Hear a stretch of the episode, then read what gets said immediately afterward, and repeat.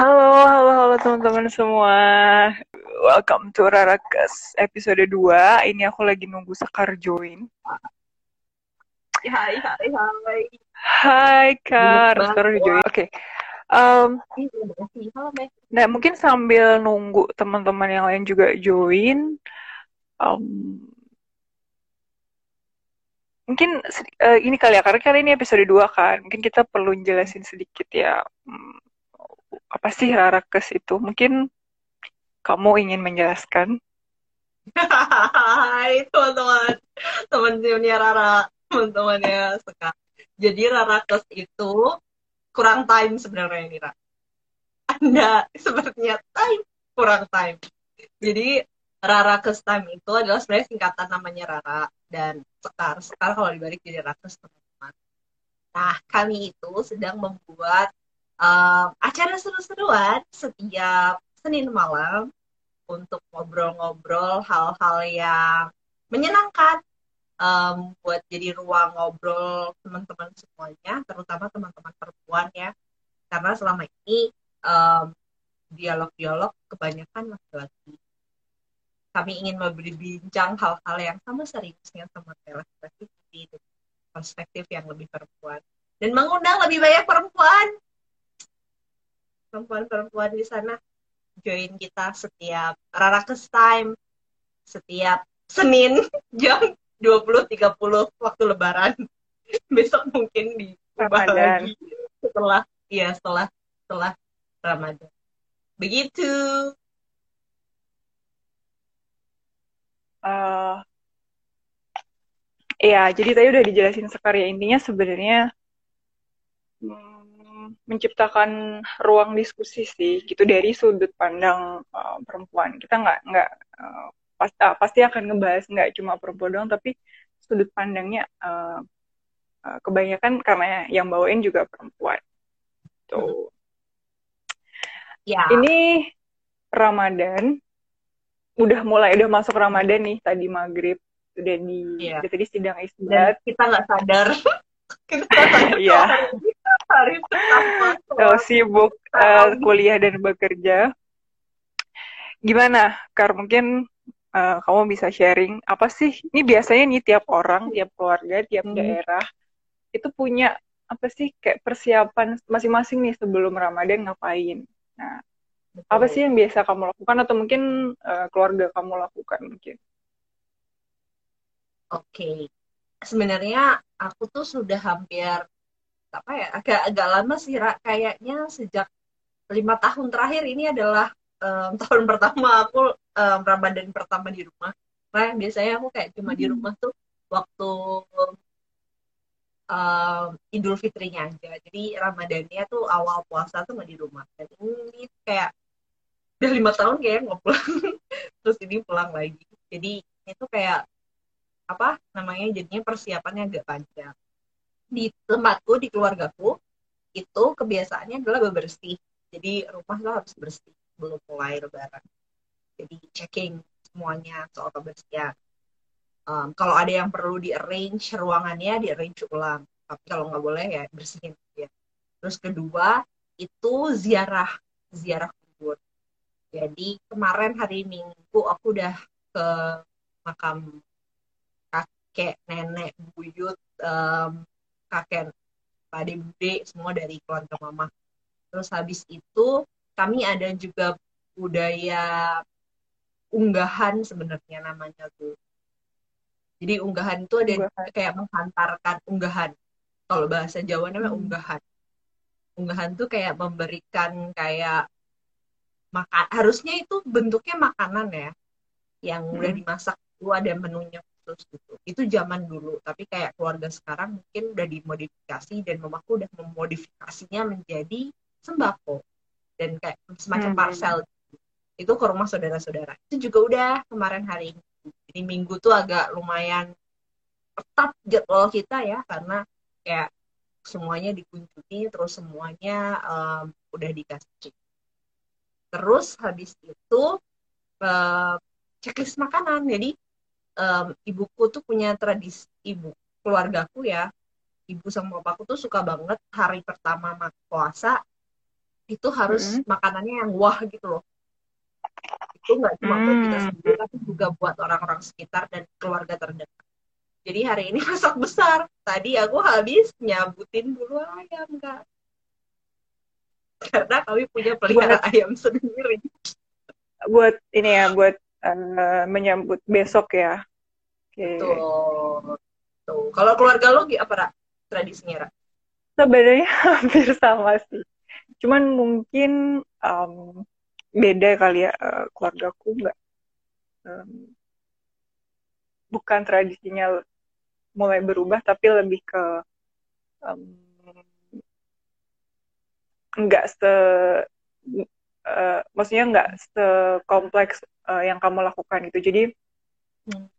Uh, sama sih uh, ziarah itu pasti ya terus um, nah kalau misalnya uh, sharing mak eh, sharing makanan atau ngantar makan tuh di sini udah hmm. agak jarang cuman biasanya ibuku ke orang-orang terdekat doang dan uh, biasanya uh, kalau sekarang nggak makanan sih ya kayak lo kamu bilang tadi sembako sama hmm. ditambah uh, kurma biasanya terus oh, iya, beli kurma. itu rumahku juga ya. udah beli kurma kalau kur ah, kalau beli kurma itu selalu kalau kebetulan oh. orang rumah itu mengganti gula dengan sering beberapa kali. Nah, cuman kalau beli untuk yang kayak apa sih namanya banyak bagi-bagi gitu bulan Ramadan. Terus ini nih apa namanya? Oh. Yang pasti kayaknya ter, kayaknya hampir di semua tempat tuh bersih-bersih sih ya kayak betul betul. Um, Hmm, terus kayak bahkan tuh beberapa orang kayak ngebenerin mager, ngecat, hmm. kayak gitu-gitu kan gitu-gitu sih paling terus biasanya menyelesaikan urusan urusan dalam artian kayak karena kan kalau bulan puasa tuh biasanya jam kerja lebih sempit ya kayak lebih cepat hmm. lebih siang dan lebih cepat terus hmm.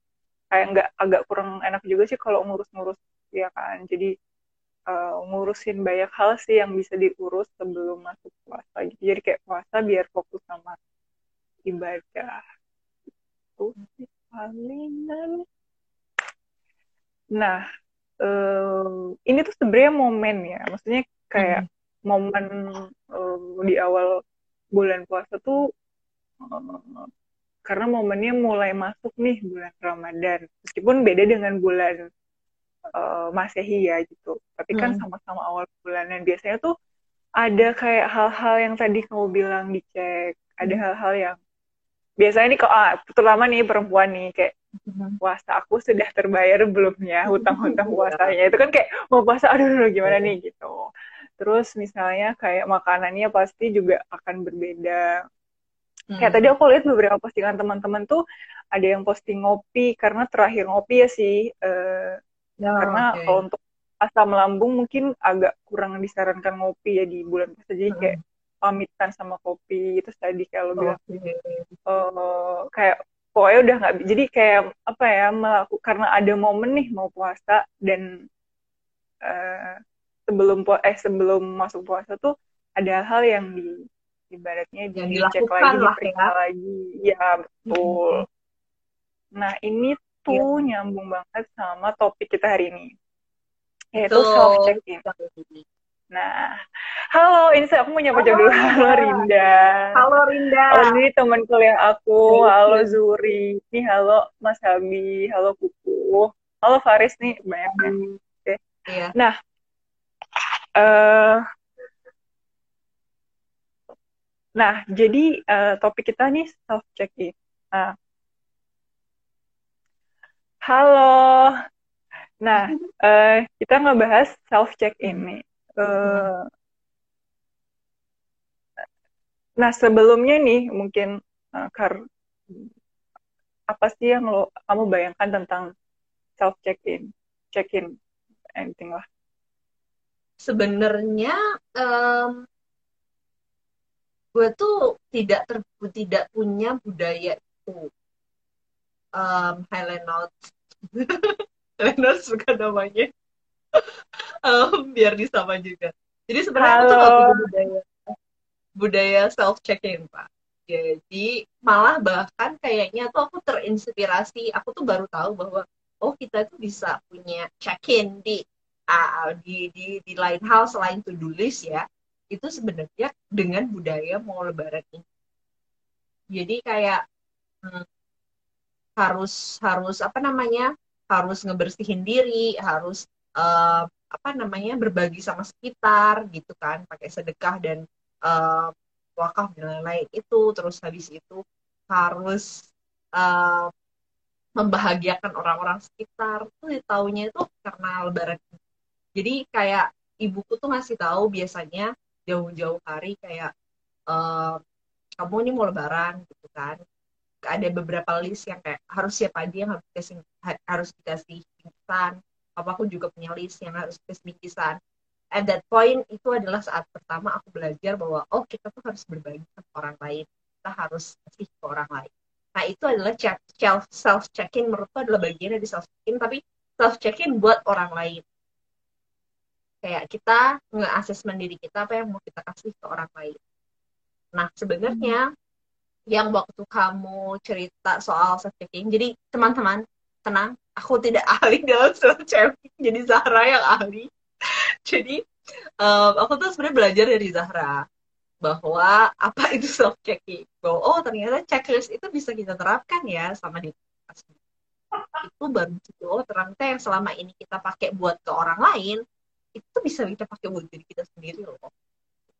Nah dari situ aku tahu. Dan sampai sekarang sih aku buat sekitar ada lima self checking yang aku lakukan setiap hari sebenarnya.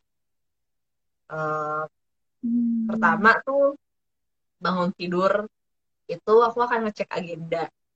Ya, agenda hmm. besar lah. Aku akan buka Google Calendar biasanya sama note agenda ya.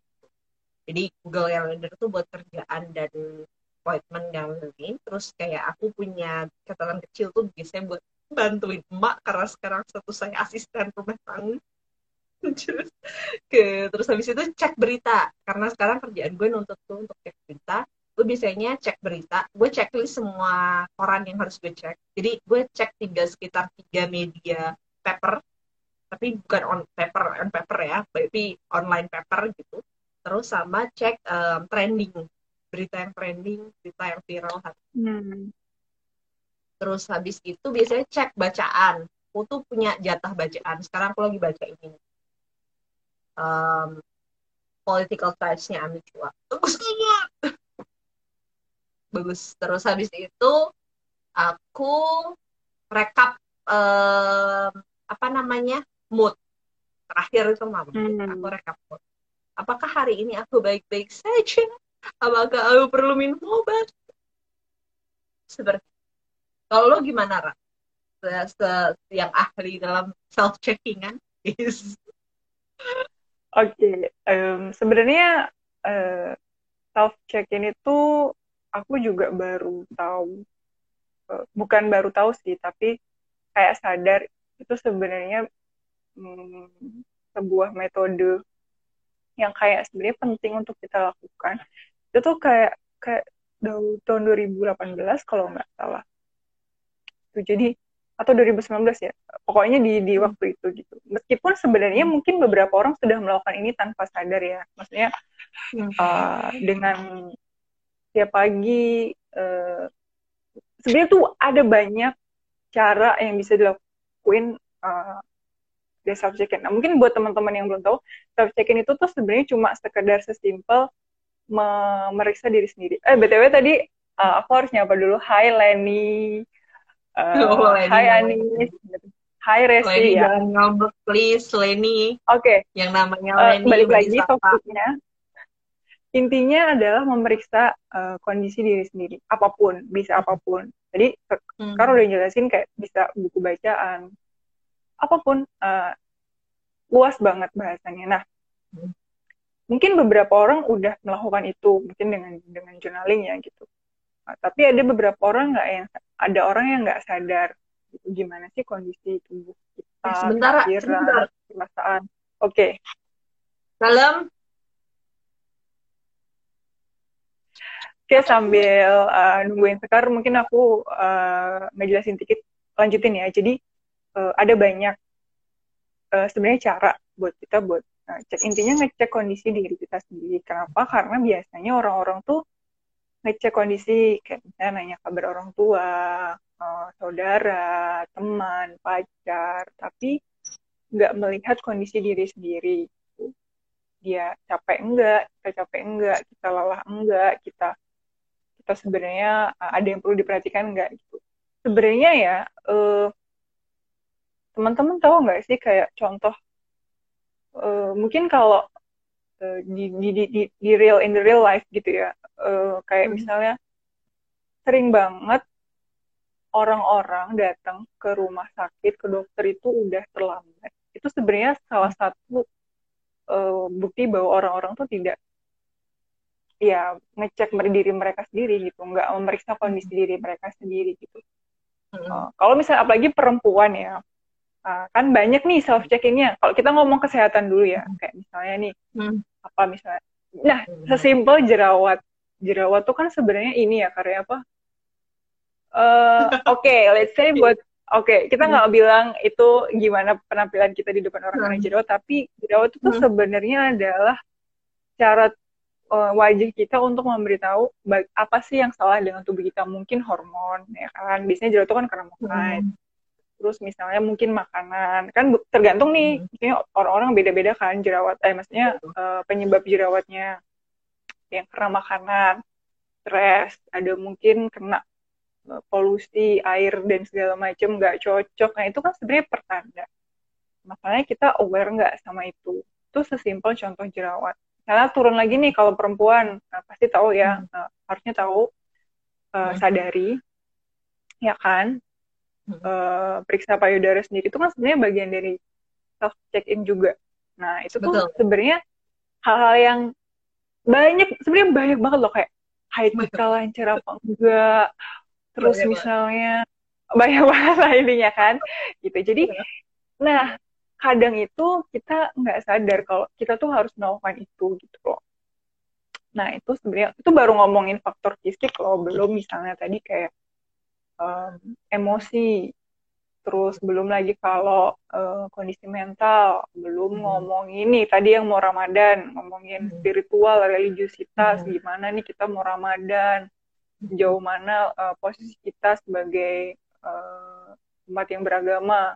Belum hmm. lagi kalau misalnya ini nih hubungan sosial dan sebagainya. Jadi uh, jadi itu itu self check tuh itu dan luas banget dan sangat bergantung sama kebutuhannya teman-teman.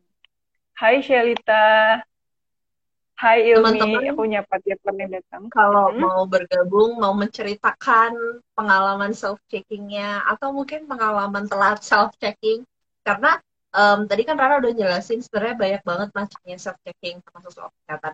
Ini ya kemu kemudian aku jadi inget Ra, masalah uh, self checking ini. Jadi sebenarnya ini sepele ya, tapi ini tuh kalau terlambat tuh bisa fatal banget jadi ada yang terjadi ke sepupuku, sepupuku tuh meninggal tahun lalu. Eh, tah bukan tahun lalu, hmm. dua tahun lalu. Jadi tahun lalu aku pulang kan, sebelumnya tahun sebelumnya itu dia meninggal pas Ramadan juga. Jadi ini momennya kayak deket-deket Ramadan tuh bener-bener ini dua tahunan dia. Nanti bakal kami akan ngadain dua tahunan dia di Lebaran. Um, jadi dia itu sebenarnya hal sepele banget. Dia itu cuma radang tenggorokan, Pak. They feel hmm. actually the throat terus habis itu dia pikir ya udah radang aja gitu ya dia kadang-kadang minum um, uh, apa makan permen yang pedes itu buat ngurangin hmm, terus iya, habis iya, itu iya. dia kadang-kadang juga uh, minum obat batuk karena kadang ada batuknya gitu terus mm -hmm. ya itu terjadi hampir ternyata tuh hampir setahunan karena dia ambil bekerja habis terus mengurus anak juga kan terus ketika dia kok baru sadar tuh ketika um, dia udah sering batuk berdarah. Terus dia ngecek ternyata itu adalah bagian dari part cancer. Jadi kanker tenggorokan lah ya kayak gitu. Dan itu udah telat. Dia taunya um, sebulan sebelum dia meninggal. Jadi dia tuh nggak tahu dia tahu terus stadiumnya udah tinggi. Habis itu dia resign dari kerjaan pulang ke rumah. Um, terus di rumah tuh niatnya mau berobat. Jadi kayak masih baru ke rumah sakit kalau nggak salah baru dua tiga kali. Dan dia meninggal karena dia juga nggak tahu tadi loh dia nggak bisa ngukur. Karena dia puasa kan. Dia puasa dia sakit tuh nggak bisa ngukur tuh. Karena dia tiba-tiba udah tiba-tiba kanker terus tiba-tiba ke stadium sekian gitu. Aku lupa stadiumnya berapa. Kita pun juga kaget terus tiba-tiba dia out terus ya udah innalillahi wa innalillahi rajiun gue ingat banget kejadian itu karena rumah gue tuh udah mau makan makan besar kan. Karena gue ulang tahun tahun itu. Terus kayak kita nggak jadi makan makan aku ingat aku ingat aku ingat. iya ya betul iya aku ingat betul. itu. Sebenarnya halnya sepele banget. Karena dia sebenarnya cuma rasanya adalah dia merasa bahwa oh ini cuma sakit tenggorokan aja. It will be fine. Dan ternyata it tends to itu adalah hal yang membuat dia sampai jadi menurut gue and it turns it small things gitu kan. Karena ini mungkin terlihatnya kayak cuma kamu ngecek dirimu sendiri tapi sebenarnya itu impactnya besar ke um, apa hidupmu secara keseluruhan. Gitu iya iya dan dan sebenarnya gue malah mau tanya nih Ra.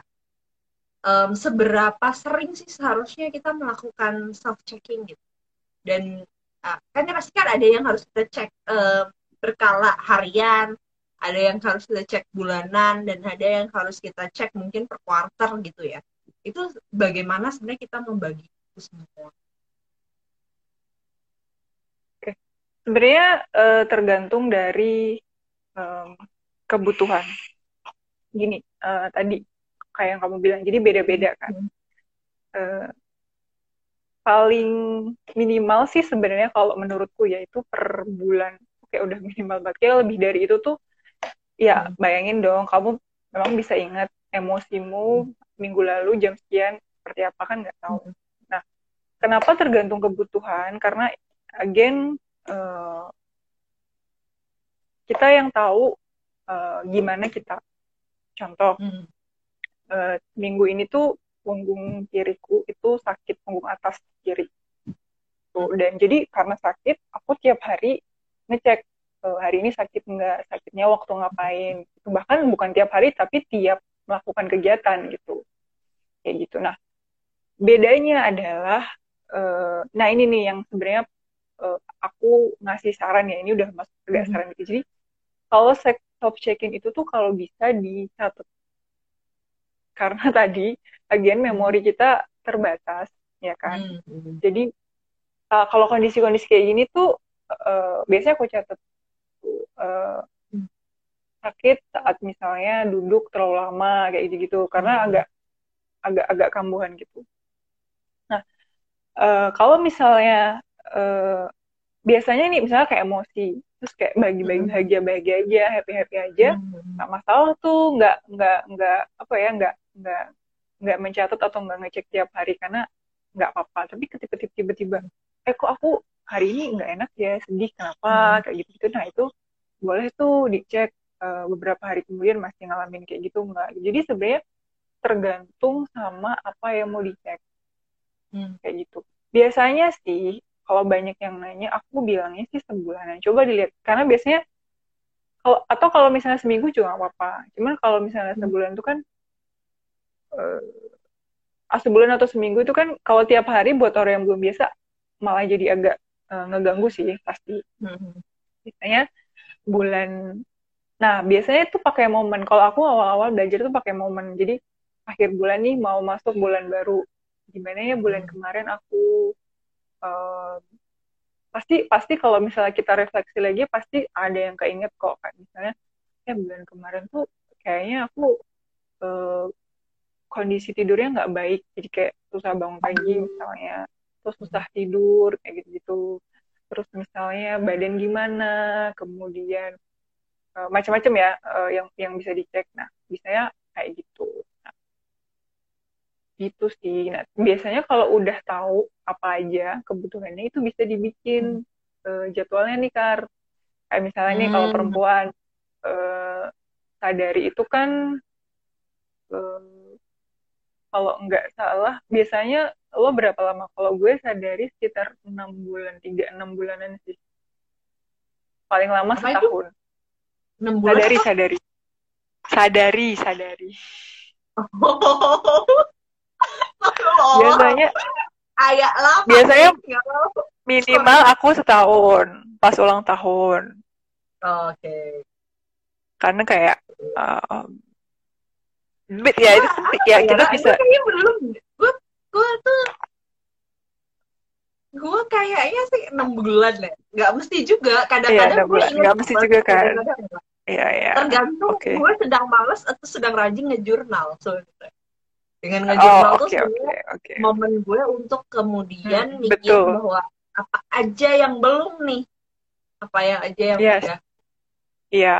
Apa Itu aja makanya udah kenapa dan apa yang belum. Iya, itu kenapa misalnya dicatat? Karena tadi memori kita terbatas itu dan ketika mencatat tuh kayak dari penguatan gitu loh, kayak karena kita udah melakukan, terus kita catat lagi kan, jadi kita kayak Hmm. merecall lagi, terus dicatat lagi, Hmm. kayak gitu. Dan kita bisa ta- bisa nge-track kan, kalau dicatat kan kita nge-track, oh ya, ya tadi ya kita tuh, nge- nge-track mm, nggak harus nulis, bisa pakai HP sekarang udah eh, ya dunia udah udah canggih bisa pakai laptop apa pun Eh, teman-teman bisa pakai buat buat nge-track.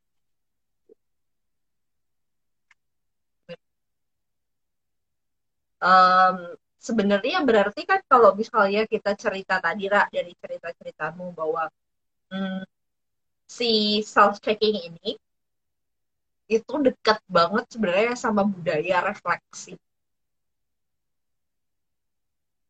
karena akhirnya kayak kita eh, merefleksikan diri kita sama hari ini tuh kayak gimana dibandingkan yang kemarin.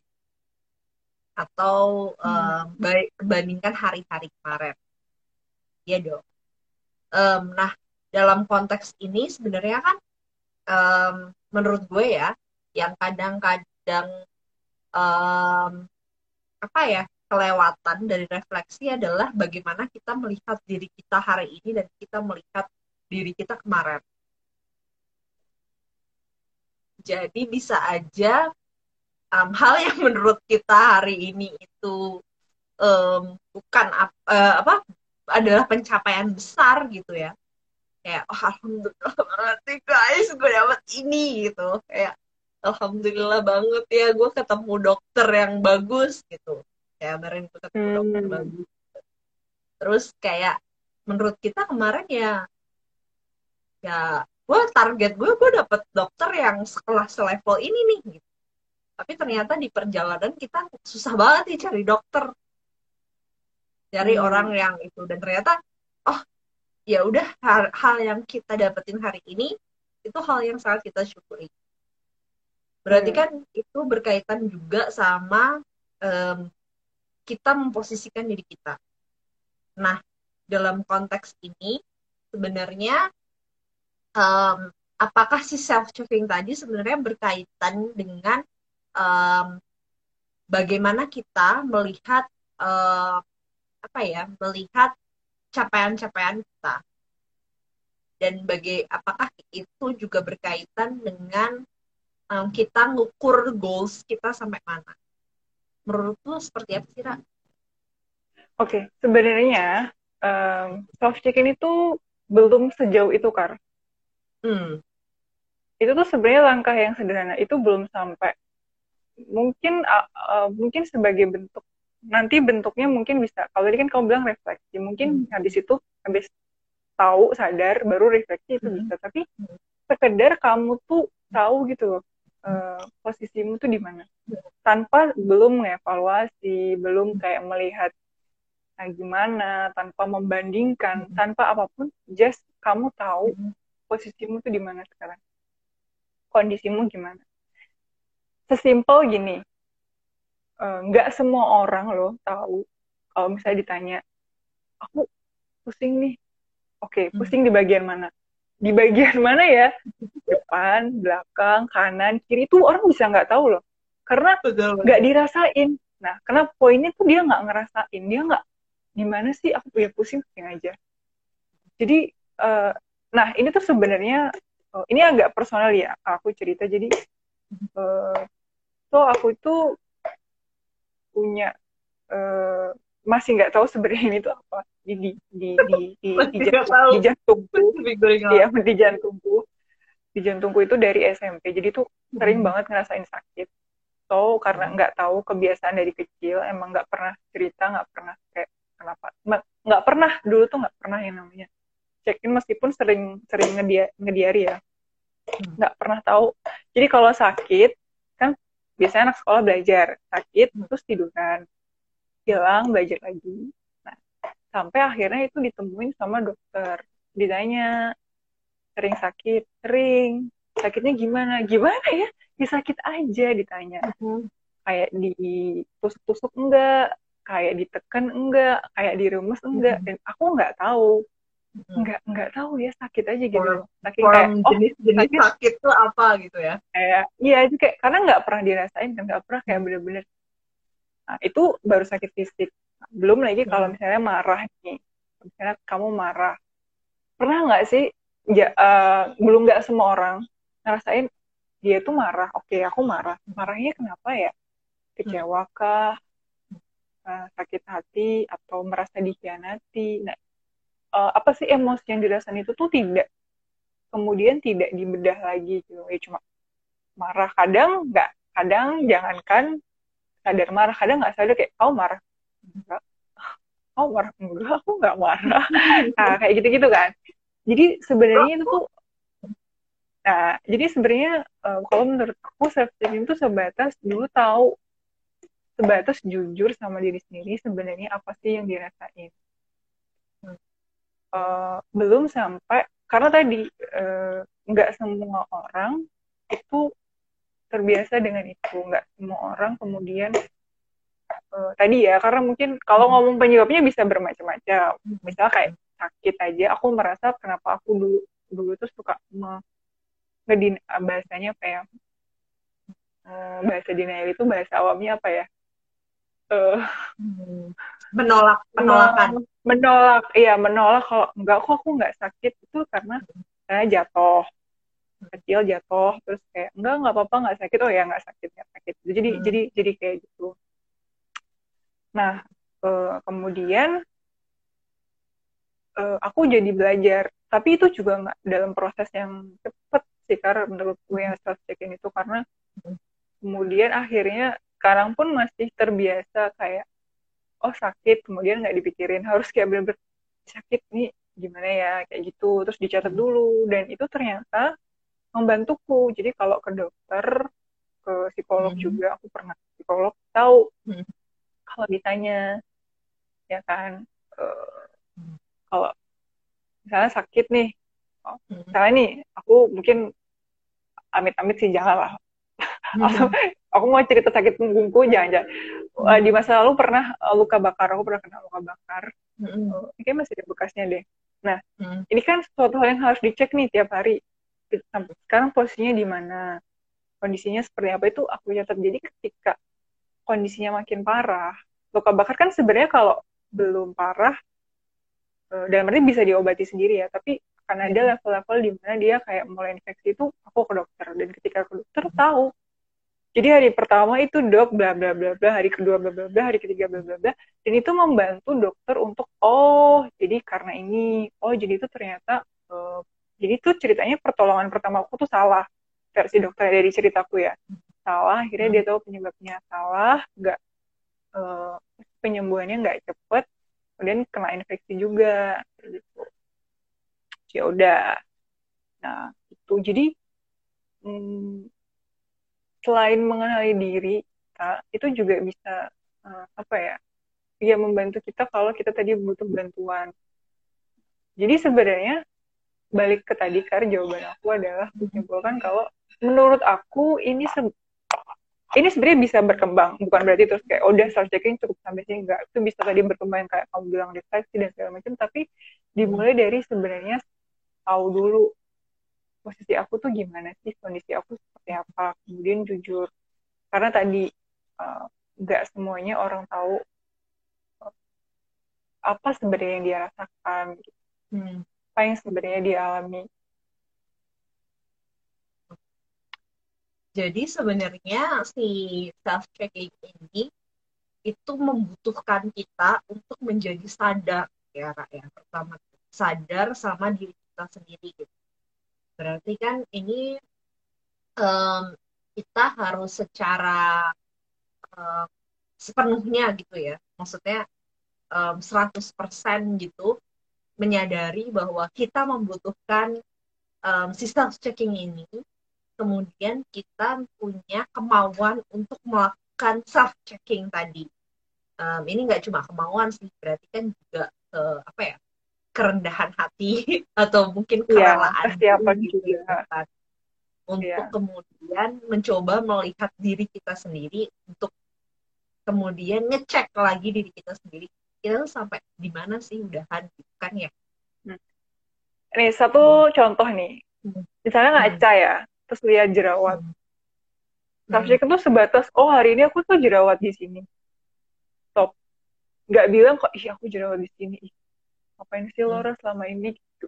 nggak sampai di situ jadi kayak oh aku jerawat di sini nah mungkin nanti hmm. setelah itu uh, akan kemudian uh, menyadari ini jerawat apa ya? Kan jerawat tuh beda-beda. Kalau perempuan hmm. yang jerawatnya beda-beda. Hmm. kemudian uh, setelah tahu oke okay, ada jerawat kemudian dilihat. Perlu diobati diobati seperti karena setiap jerawat tuh beda-beda. Jadi jadi di situ gitu uh, bukan hmm. kemudian uh, apa ya ibaratnya uh, apa namanya uh, tanpa mengevaluasi misalnya mengevaluasi dalam artian um, karena kan sebenarnya ya uh, nah ini nih yang sebenarnya agak-agak takut. Hmm. sebenarnya aku agak takut ter apa ya namanya campur antara self check in dengan self diagnose. Nah, itu berbeda. okay. bedanya apa tuh? Uh, ya bedanya kalau self check in itu sebatas tahu aja gitu. Jadi kayak oke okay, jerawat di sini. Oh uh, ras lagi kesel. Mungkin kita bisa tahu kira-kira kesel kenapa ya tapi nggak terus kemudian ngejudge oh itu kayaknya ini deh apa namanya uh, emang hormonal jerawatnya. Mungkin uh, berdasarkan apa ya kayak uh, hasil kita ngecek itu mungkin ada hubungannya sama hormon. Tapi kan kita nggak tahu kira kita nggak punya ilmunya di situ. Yang tahu sebenarnya dokter kan. Misalnya itu kan hanya gejala karena gejala yang terlihat itu belum tentu apa yang terjadi di dalam. Baik hmm. fisik menurutku ini baik fisik maupun uh, mental ya itu terjadi di duanya jadi kayak oke okay, mungkin kelihatannya hormon tapi bisa jadi setelah misalnya ke dokter dan segala macam oh ternyata hormon tapi dari misalnya stres. Oh. gitu. Jadi ada banyak hal yang terjadi di dalam diri kita itu yang kita nggak tahu gitu kita tuh cukup memahami apa yang terjadi di luar gitu. Nah, uh, emang ada beberapa hal yang kita mungkin bisa pahami sendiri, tapi ada uh, beberapa hal yang kita harus mau menerima kalau kita harus tanya dokter, psikolog, ke ke konsultan siapa pun gitu.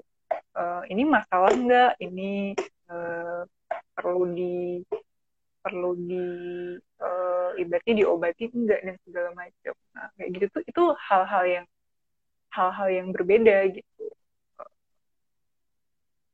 okay. contoh lagi misal uh, apa ya hmm. mungkin lo punya contoh kan lo kayak karena self diagnosis ini tuh terjadi bukan hanya nggak tahu ya mungkin karena gue basicnya psikologi itu iya. di psikologi banyak banget sekarang hmm. isu kesehatan mental udah orang-orang mulai, mulai aware tapi di sisi lain kemudian banyak yang kayak mulai googling googling kayak gitu. Hmm. uh, gue hmm, ini kayak... eh btw gue pernah ada satu orang ketemu. Gue inget banget orangnya.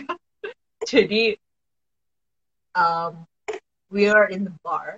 It's not like a bar in the and the the Hollywood movie that you are imagine ya ya kayak yeah, sebenarnya yeah, kita nongkrong aja di situ gitu kalau di Jakarta kan banyak bu terus kayak kan itu kan pasti lo akan berkeliling ke tempat-tempat lain gitu. jadi lo pasti akan ketemu banyak orang gitu. jadi di meja lo ada orang lain datang dan kenalan nah itu tuh kayak di di meja itu gue sama teman-teman gue lagi mendengarkan cerita sahabat gue yang bipolar okay. Jadi dia habis keluar dari rumah oh. sakit.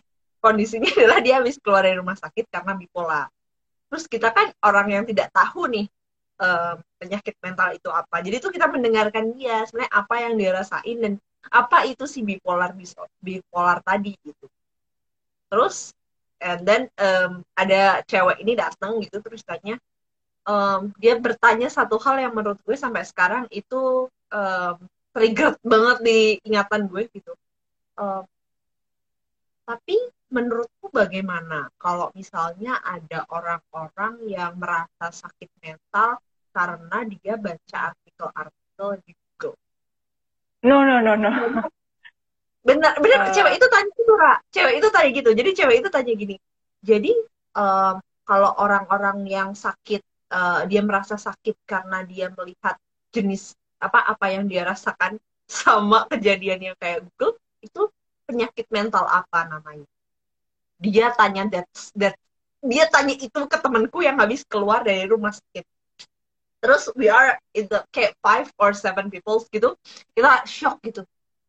Di ini orang ini orang pertama adalah di orang siapa? Kedua ini orang kenapa dia tanya kayak gitu banget?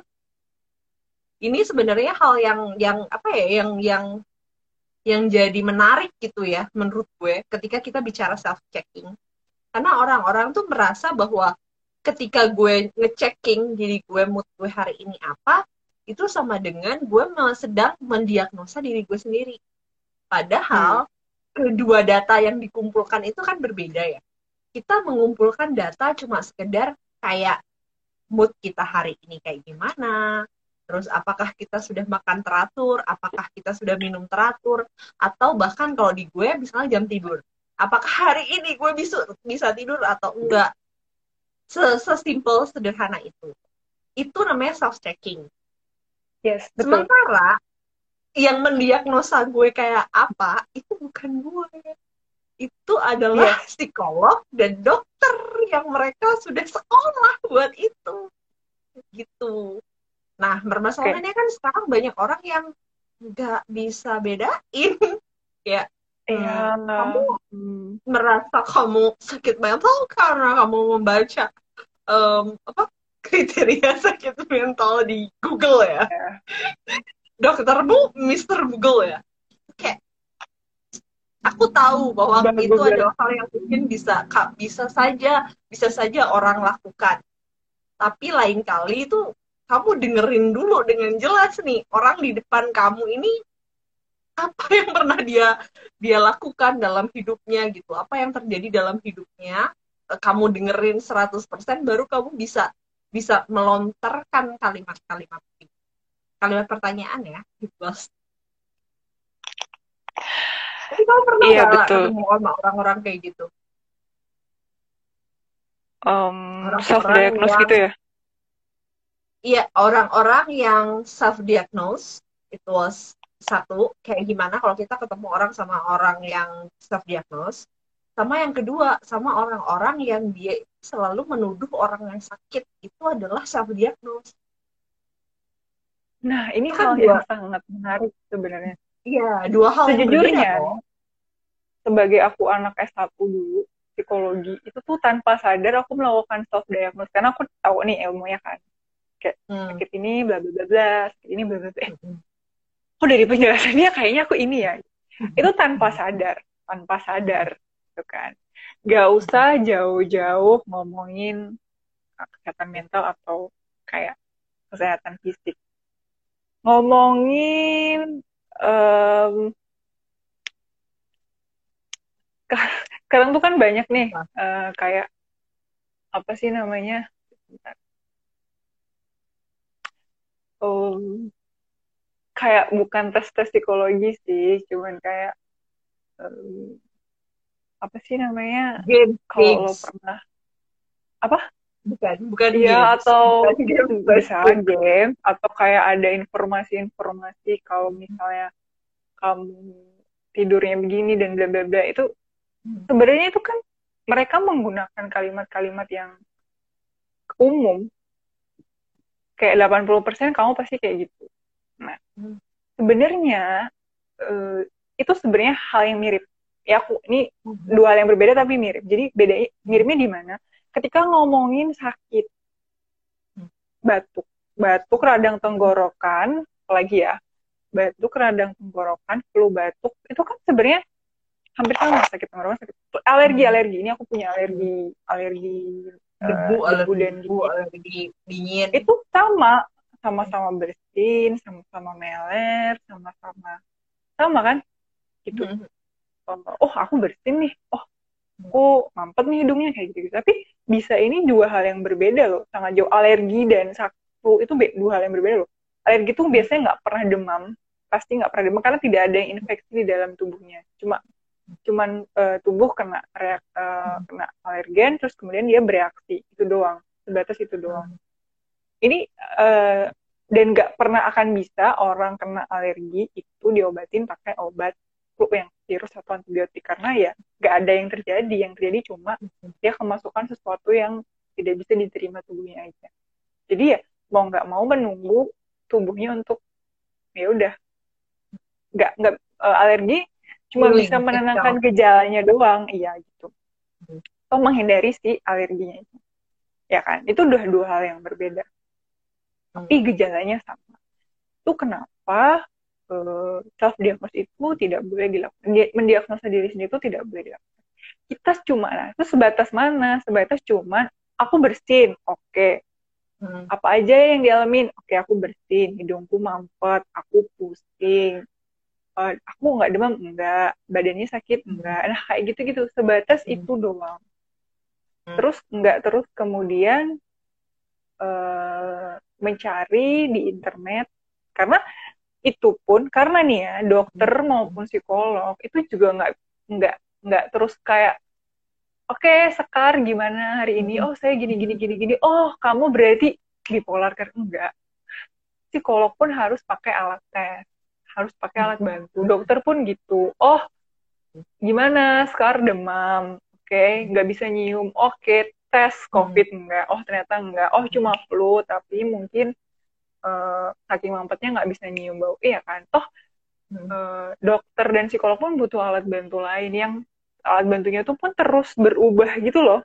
Kayak terus berdasarkan apa sih perkembangan pengetahuan dan teknologi itu terus terus berubah So, alat tesnya terus berubah dan diagnosa pun bisa berubah pasti aku yakin teman-teman pernah ngerasain awalnya sakit apa kemudian seiring perkembangan waktu gejalanya mulai nampak gejala yang asli ya Nah, kayak gejala-gejala yang umum itu kan kadang membingungkan.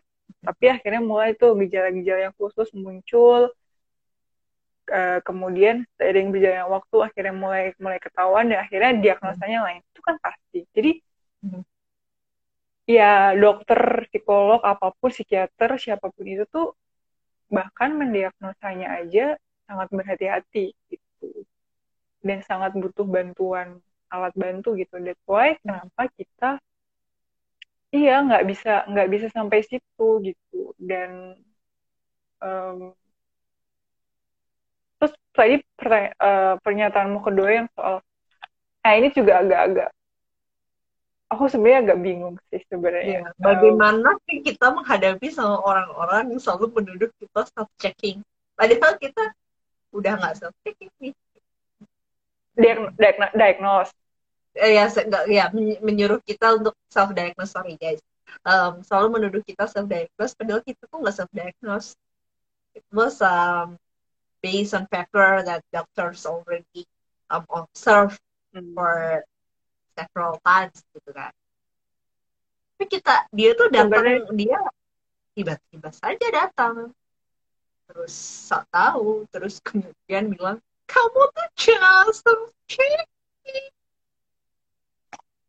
bagaimana kita menghadapi orang-orang kayak eh, kamu tuh jangan self diagnose gitu. Gimana kita menghadapi orang-orang? Em, mungkin em, mungkin kita bisa mulai Oke, sebenarnya ini tergantung sejauh mana posisi kita sama orang itu sih. Mungkin bisa juga dengan kayak nanya, kalau misalnya kamu itu teman dekat kamu, mungkin kamu bisa nanya kayak em, kamu eh, udah ke psikolog atau psikiater atau itu Hmm. kamu dapatkan dari mana kayak gitu. Jadi mungkin bertanyanya terus nggak karena gini, kita tuh em, aku nggak tahu ya tapi semakin ke sini tuh kadang pun aku mem sulit membedakan orang mana yang care sama kepo Nah, betul. Mana yang sebenarnya butuh perhatian atau sebenarnya mencari yang beneran care, mana yang kepo. Mana yang butuh perhatian atau mana yang sedang mencari perhatian. Itu sebenarnya kita nggak tahu. Nah, sebenarnya uh, salah satu menurut aku ya, aku kalau personally itu kalau menghadapi orang gitu ya just um, coba tulus aja tapi terus enggak gini. Hmm, semua orang itu punya tanggung jawab terhadap dirinya sendiri gitu. Jadi sebatas itu aja. Jadi kalau misalnya ada orang kemudian tadi bilang ke kamu uh, kamu dia bipolar dan segala macam, kemudian kamu uh, posisikan aja, oke, okay, uh, coba tanya, uh, oh kamu udah ketemu psikolog dan segala macam, kamu didiagnosis hmm. atau sekarang kan kalau dia udah cerita berarti uh, dia dia terbuka ya kecuali dia nggak nggak cerita kan kita nanya juga nggak nggak mungkin gitu. kemudian dah dari situ nah kalau misalnya mungkin dia ternyata uh, cuma baca dari artikel dan segala macam nah mungkin uh, di situ uh, kita bisa ngasih saran sebagai posisi diposisikan sebagai orang yang kayak benar-benar care tapi juga tidak mencampuri gitu. karena sebenarnya mencampuri itu dia nggak nyaman kamu juga nggak terlalu nyaman pasti nantinya gitu kan. Jadi kayak uh, oh oh kamu baca dari artikel kayak gitu. Hmm, uh, bukannya sebaiknya cuma datang aja kayak gitu memastikan kayak gitu gitu kan nanti um, karena kalau misalnya cuma baca artikel terus kan nggak sudah. Maksudnya oh ya udah baca artikel terus ya udah endingnya nggak nggak ada endingnya kan gitu. Tapi kalau kamu datang ke sana kan aku selalu mencontohkan karena sebenarnya gini psikologi uh, penyakit mental itu sesuatu hal yang memang beda ya sama penyakit fisik yang memang dari kecil kita hmm. diajarin untuk untuk tahu dan Siap. sudah mengenal tahu, itu gitu. tahu merasakan sakit ya oh sakit tuh kayak gini ya, nih itu. itu adalah ya, sakit ya, jadi biasanya betul jadi biasanya aku selalu memberi contoh sakit fisik uh, maksudnya kan kalau kamu sakit nih uh, ke dokter akan ada kayak misalnya kalau misalnya nggak disembuhin ada kan banyak sesuatu penyakit yang memang tidak disembuhkan. Kan ada tips untuk menghindari kambuh dan segala macam kalau bisa diobatin diobatin. Nah biasanya aku selalu pakai contoh penyakit fisik yang mudah dipahami. Bisa dicoba itu. Hmm. kalau misalnya dia memang um, uh, cari perhatian eh bukan cari perhatian sorry. Bingung antara ini sebenarnya dia butuh kita perhatiin atau sebenarnya dia uh, cari perhatian dan segala macam. Menurut aku um, gini ini tuh sama kayak kasus uh, orang yang uh, bilang jadi beberapa waktu lalu kalau nggak salah di Twitter tuh bukan beberapa waktu lebih sering sebenarnya kayak orang nge-share di Twitter uh, mungkin curhat dan segala macam kemudian pamit. Kemudian ada pasti komen yang kayak support kayak um, no kamu kamu punya kita dan segala macam kita support kamu kamu nggak sendiri tapi ada orang yang ya udah lo mati mati aja ibaratnya gitu. Sorry tapi uh, posisikan bahwa uh, anggap aja itu um, beneran tapi bu gimana ya memposisikannya? Eh, anggap aja itu oke okay, dia mungkin mengalami itu beneran tapi terus tidak membebani kita. Karena kan ada beberapa orang yang kayak aduh aku harus bantu dia kalau aku nggak bantu dia siapa lagi yang nggak bantu dia no dia Betul. bertanggung jawab terhadap dirinya sendiri oke okay, yeah. jadi knowing yourself um, yes. tahu beban lu sampai mana lo lo yeah. mana beban yeah, yang bisa lo tanggung di punggung yeah. lo mana jadi, yang enggak ya ya jadi uh, kira-kira sa sa sampaikan ya tadi posisikan kalian care tapi punya batasan Iya hal-hal hal-hal seperti itu sih um, yang yang menurut aku uh, coba nggak tahu nih siapa tahu ada teman-teman yang di sini punya uh, pengalaman untuk diragukan dia sakit apa. Gue tuh karena um, gimana kak? Lo lanjutin dulu. Uh, adik aku itu hmm? uh, adik aku tuh sering kayak cerita temennya kok hmm, kayak nge-share di story hmm. kalau dia diagnosis ini gini-gini terus menceritakan hmm. kemudian hmm. di biasanya nggak tahu kenapa agak kayak yang kamu ceritain sih jadi kayak uh, udah dia karena udah ketemu psikolog dan segala macam kemudian dia kayak hmm. ada orang yang cerita oh iya nih kamu kayaknya sama kayak aku gitu ya kan jadi uh, ya kalau adik aku sering bertanya sebenarnya apa yang harus dilakukan ya sebenarnya tergantung sih posisi kamu gitu. Hmm. kalau memang kamu bisa ngasih tahu kasih tahu aja. Tapi nggak harus kemudian kalau misalnya ibaratnya gini kalau dia kasih tahu dia tahu ya udah. Sebatas itu saja tanggung jawabmu. Terus nggak terus kalau nanti dia nge-story apa gini-gini ya udah biarin. Kalau misalnya adikku terganggu ya udah nggak usah dilihat gitu. Jadi hmm. kamu sudah sudah sudah. Karena adikku juga maksudnya dia kan tidak punya kapasitas dalam ngapa-ngapain kan jadi ya ya udah. Betul betul betul, betul. Um, gue tuh kemarin gue sempat kena dalam fase terburuk hidup gue. Terus hmm, ada satu quote gue menemukan quote ini. Dan quote ini dikirimkan seseorang baik banget orangnya. Dia tuh ngirim quote bahwa um, orang itu banyak yang dia tuh pretending to be happy lebih banyak yang pretending to be happy daripada pretending to be sick Jadi sebenarnya yang ke, harus kita lakukan kalau ada orang-orang kayak gitu, ya kita pertama apa pun yang terjadi lo harus percaya sama dia. Lakukan yang lo bisa. Kalau nggak bisa ya udah jangan dibawa itu jadi beban lo. Tidaknya lo nggak harus berkata buruk di depan dia. Kalau lo nggak tahu apa-apa yang terjadi sama dia. Even even misalnya karena lo nggak mungkin tahu apa yang sebenarnya sedang kejadian di otaknya dia ya. Dia ada monster di kepalanya atau ada apa kita nggak tahu. Kayak gitu. Ra kita udah tinggal 10 menit lagi tapi kita aku kebetulan inget satu buah cerita.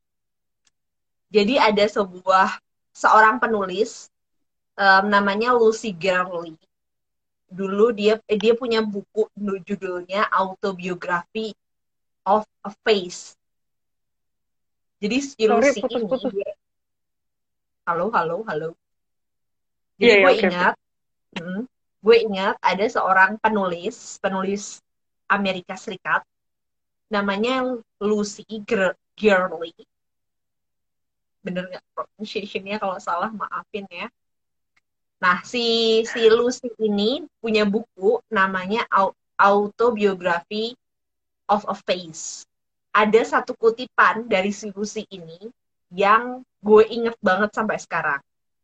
Terus tadi gue googling gitu. Lengkapnya adalah partly I was honing my self-consciousness into a torture device, sharp and efficient enough to last me the rest of my life. Jadi, yang terjadi sama si Lucy, si Lucy ini punya kanker kulit yang menyerang muka dia.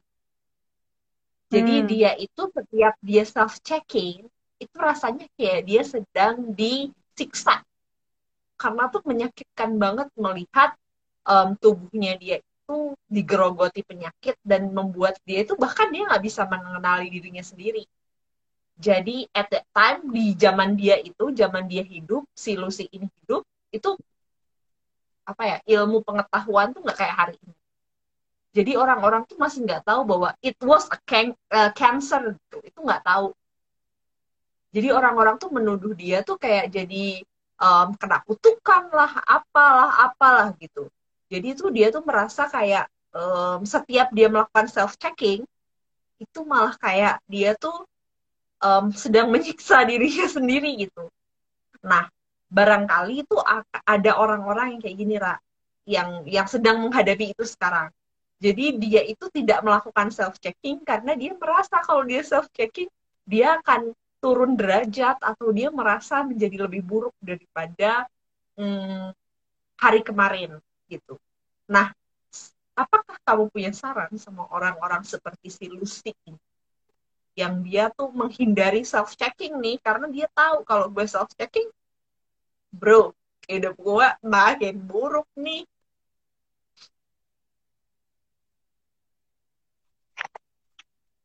Oke, okay uh, sebenarnya hmm. Hmm, kalau kita ngomongin uh, tentang itu kan sebenarnya judgment ya jatuhnya hmm. kayak ngejudge diri kita tidak lebih baik dari kemarin dan segala macam. Um, sebenarnya ada uh, go, bukan ada tahap lagi yang lebih besar namanya self acceptance. Jadi kayak penerimaan hmm. diri kayak menerima. Memang ketika kita belum bisa menerima diri kita itu pasti kita akan ya ya kita nggak nggak nggak nggak dalam posisi menerima kondisi kita gitu hmm. kita oh, oh kondisi seperti ini pengen jadi kita kita nggak terima gitu kita hmm. kita marah kita merasa nggak berguna kita merasa kok aku kayak gini dan segala macam so sebenarnya ketika kamu sudah um, kalau bicara self check ini tuh memang ada kejujuran ada menerima uh, kondisi diri gitu. kalau sadar diri ya, tadi ya. Hmm. ya bahwa oh, ya memang seperti itu kondisinya. Dan kondisinya setiap orang itu pasti berbeda. Gitu kan. Salah satu contoh. Hmm. sebenarnya kalau dipikir-pikir aku tuh di masa lalu kadang juga masih di masa sekarang karena aku juga masih belajar. Kalau tinggiku naik itu aku stres aku kayak buat yang belum tahu so aku adalah perempuan tinggi 171 cm. Iya. Zahra dulu adalah orang paling tinggi di angkatan kami. Perempuan ya. Kayaknya sekarang juga deh di angkatan kuliah.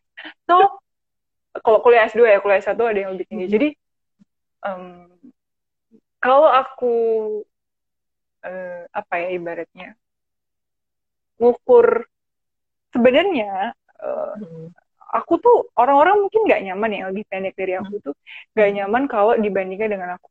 Loh kalian pikir aku nyaman? Tidak ada yang tidak ada yang nyaman ketika membandingkan. Tidak nyaman sama sekali tidak nyaman. Karena ketika dibandingkan pasti ada yang lebih baik lebih buruk kan gitu kan? Atau dalam arti positif negatif.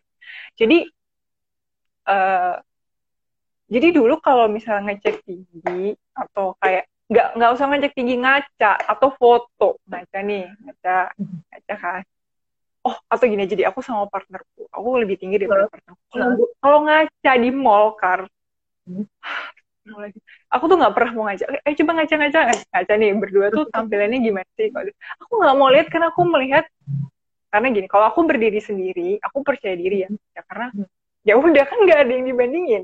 Aku nggak jadi yeah. lebih tinggi atau jadi lebih rendah. Tapi ketika aku bersama orang yang mungkin lebih pendek dari aku, lebih kurus dan segala macam. Aku tuh merasa jadi kayak monster, tuh biasa. Aku merasa jadi, anjir lu gede banget, terak paha lu gede banget. Um, aku tuh sebenarnya bangga loh sama sama sama bokongku, because aku perempuan.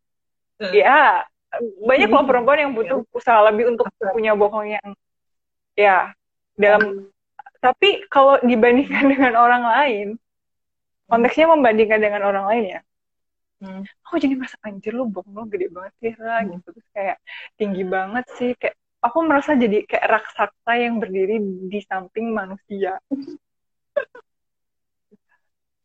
Tapi kemudian jadi sebenarnya proses menerima diri tuh nggak terus terjadi oh aku udah nerima diri aku terus terus nggak terus lama yang apa aku mati aku nerima diri enggak pasti akan ada momen-momen gimana contohnya aku udah nerima aku tinggi ya kan. Aku memanfaatkan tinggiku dengan segala macam lo tau lah kegiatan gue gimana. Tapi ketika aku punya hmm, pasangan baru terus kemudian tingginya lebih tinggi aku muncul perasaan itu lagi kayak ih kenapa ya aku tuh tinggi? Kenapa sih aku harus tinggi? Kenapa aku perempuan dan tinggi? Mungkin kalau laki-laki itu kan jadi kebanggaan. Gitu. Itu muncul lagi.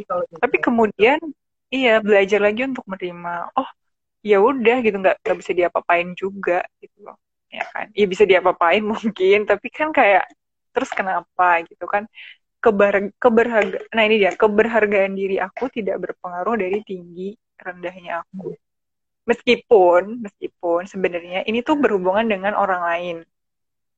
Ya aku tahu di luar sana ada banyak orang yang oh, kayak menganggap wah tinggi nggak wah. Itu kan sebenarnya membuat kita berpikir oh aku nggak wah nih karena aku perempuan tinggi. Orang-orang tapi ingat anda mendapatkan Mbak Wonogiri karena Anda tinggi. Iya, tunggu dulu, tunggu dulu. Nggak usah dibuka di sini juga. Jadi intinya adalah kan sebenarnya um, itu berat, itu ada ada sumbernya kan. Hmm. Kemudian kalau kita sadar kalau sebenarnya tinggi, tinggi uh, apa ya? Nah itu dia yang tadi aku sebenarnya mau ngebahas. Hmm.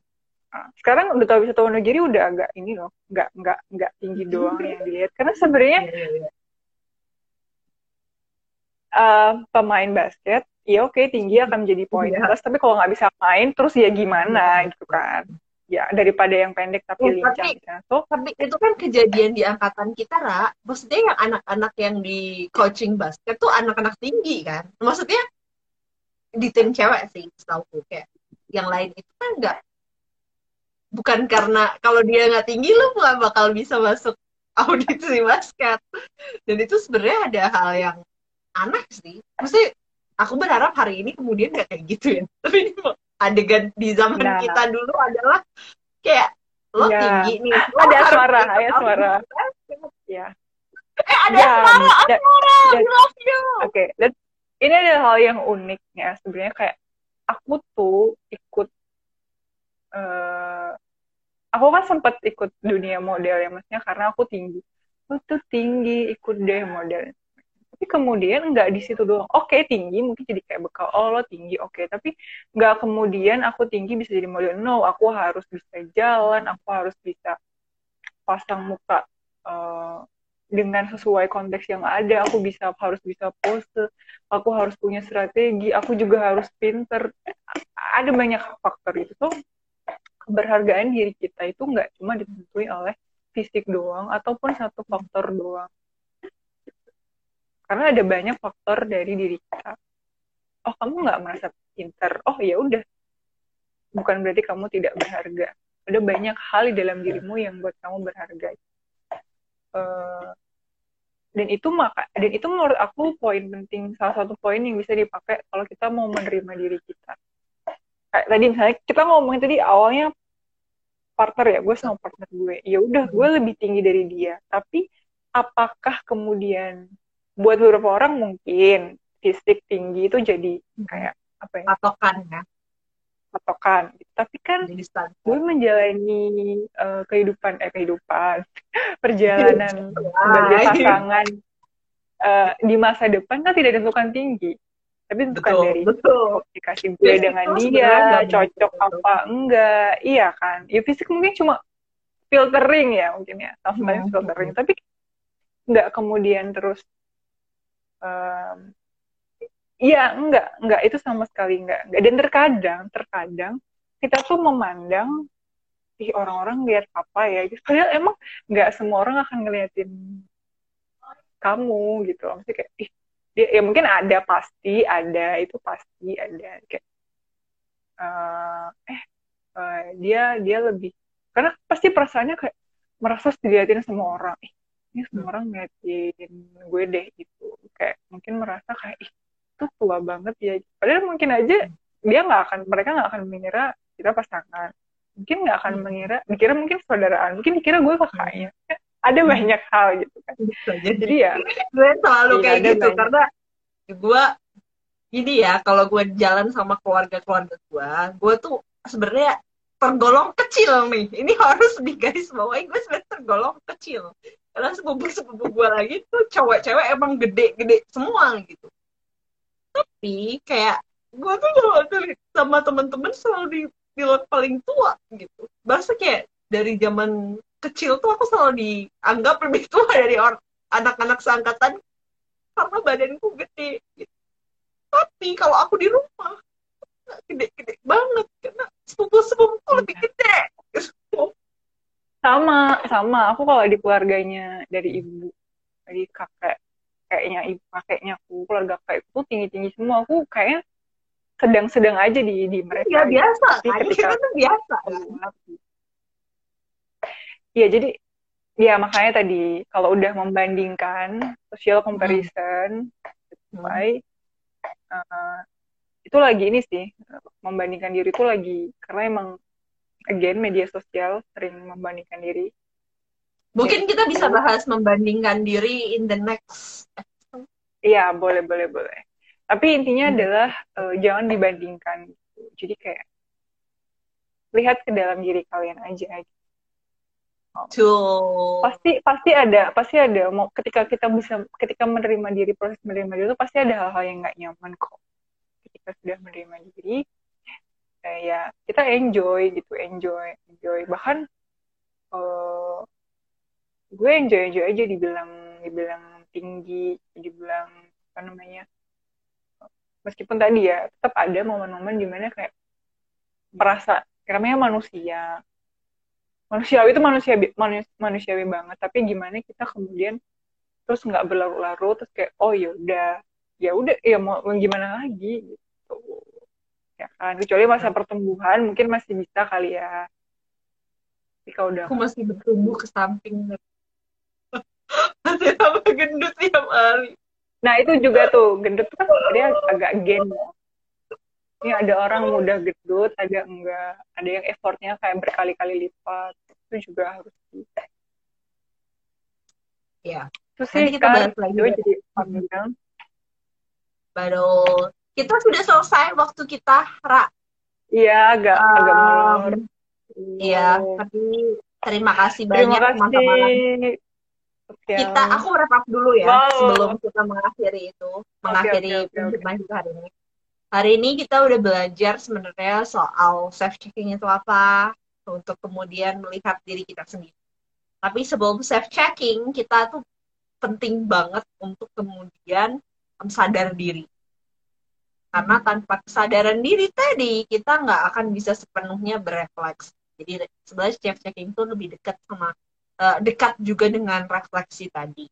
Dan untuk sampai ke sana tadi kita juga butuh yang namanya self uh, acceptance kan penerimaan diri jadi um, itu adalah hal yang saling komplementari nggak sih ya kan saling um, berpengaruh gitu karena kalau tiada nggak ada nggak ada ke apa namanya nggak ada um, penerimaan diri tadi, barangkali kita nggak akan bisa benar-benar sadar diri untuk melakukan self-checking kita secara rutin dan gradually tadi. Untuk kemudian um, memastikan bahwa diri kita baik-baik saja nih.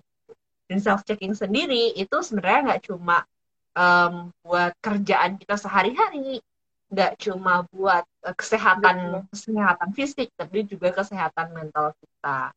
Untuk um, mencoba merasakan benar-benar self checking itu bahkan bisa bantu kita merasakan benar-benar apa sakit yang kita rasakan. Sebenarnya bahagia kita hari ini kenapa? Atau pertanyaan-pertanyaan apa ya sedang yang sedang mengganggu diri kita hari gitu. Betul dan apa itu yang dipikirkan. Betul dan itu sebenarnya juga mempermudah kita ya Ra sebenarnya untuk kemudian ngecek kita posisinya ada di mana. Bahkan kalau kita mau ngelangkah lebih jauh nih um, even mm -hmm. eh, kamu misalnya mau meraih cita-cita X oh gue ada di sini nih gitu. Kira-kira gue mm. X tuh butuh berapa saat nih? Butuh setahun kah? Dua tahun kah? Tiga tahun kah? Atau seumur hidup? Karena nggak mungkin dicapai dan self thinking yeah. itu berbeda dengan self diagnose jangan lupa itu Terus tadi oh, sebenarnya ada satu buah, betul. Sama satu lagi lupa. Tadi aku nyebutin um, seorang poet. Jadi poet tuh puisi, seniman puisi, penulis memoir gitu. Namanya Lucy Gerley. Dia nulis oh, ya. buku judulnya uh, Autobi Autobiography of a Face. Itu dia bahas soal self consciousness sebenarnya kalau gue hmm. sadari hmm. sekarang gue sadar kok oh iya ternyata itu part of self consciousness ya ternyata karena dia itu bicara soal ngecek dirinya dia sendiri seru banget bukunya dia um, bener-bener penderita kanker kulit gitu kok kanker kulit atau kanker apa gitu yang dia ngampe rahangnya tuh geser mukanya tuh rusak menarik banget untuk dibaca demikian Rarakes hari ini aku sudah menyimpulkan apa yang bisa aku simpulkan teman-teman. Terima kasih yang sudah bergabung. Ini kayaknya Terima baru kasih yang udah bergabung. Asmara, kamu telat. Kenapa kamu baru Iya sekarang tadi hadirnya? kita kita agak molor juga sih. Ya, Rara Kes akan hadir lagi minggu depan di jam 8.30, jam 20.30. Jadi kita hadir setiap Senin malam. Pas puasa ini kayaknya 20.30 dulu ya, Raya. Kita 20-30 sih cari aman. Uh, tarawih, mungkin teman-teman juga yang tarawih. Betul kita karena kita tarawih Oke. club. Oke, Tarawih terima kasih teman-teman. Selamat menunaikan ibadah puasa buat yang menjalankan. Ya, mohon maaf lahir batin. Betul. Dadah. Sampai jumpa di episode. Jangan lupa di Gue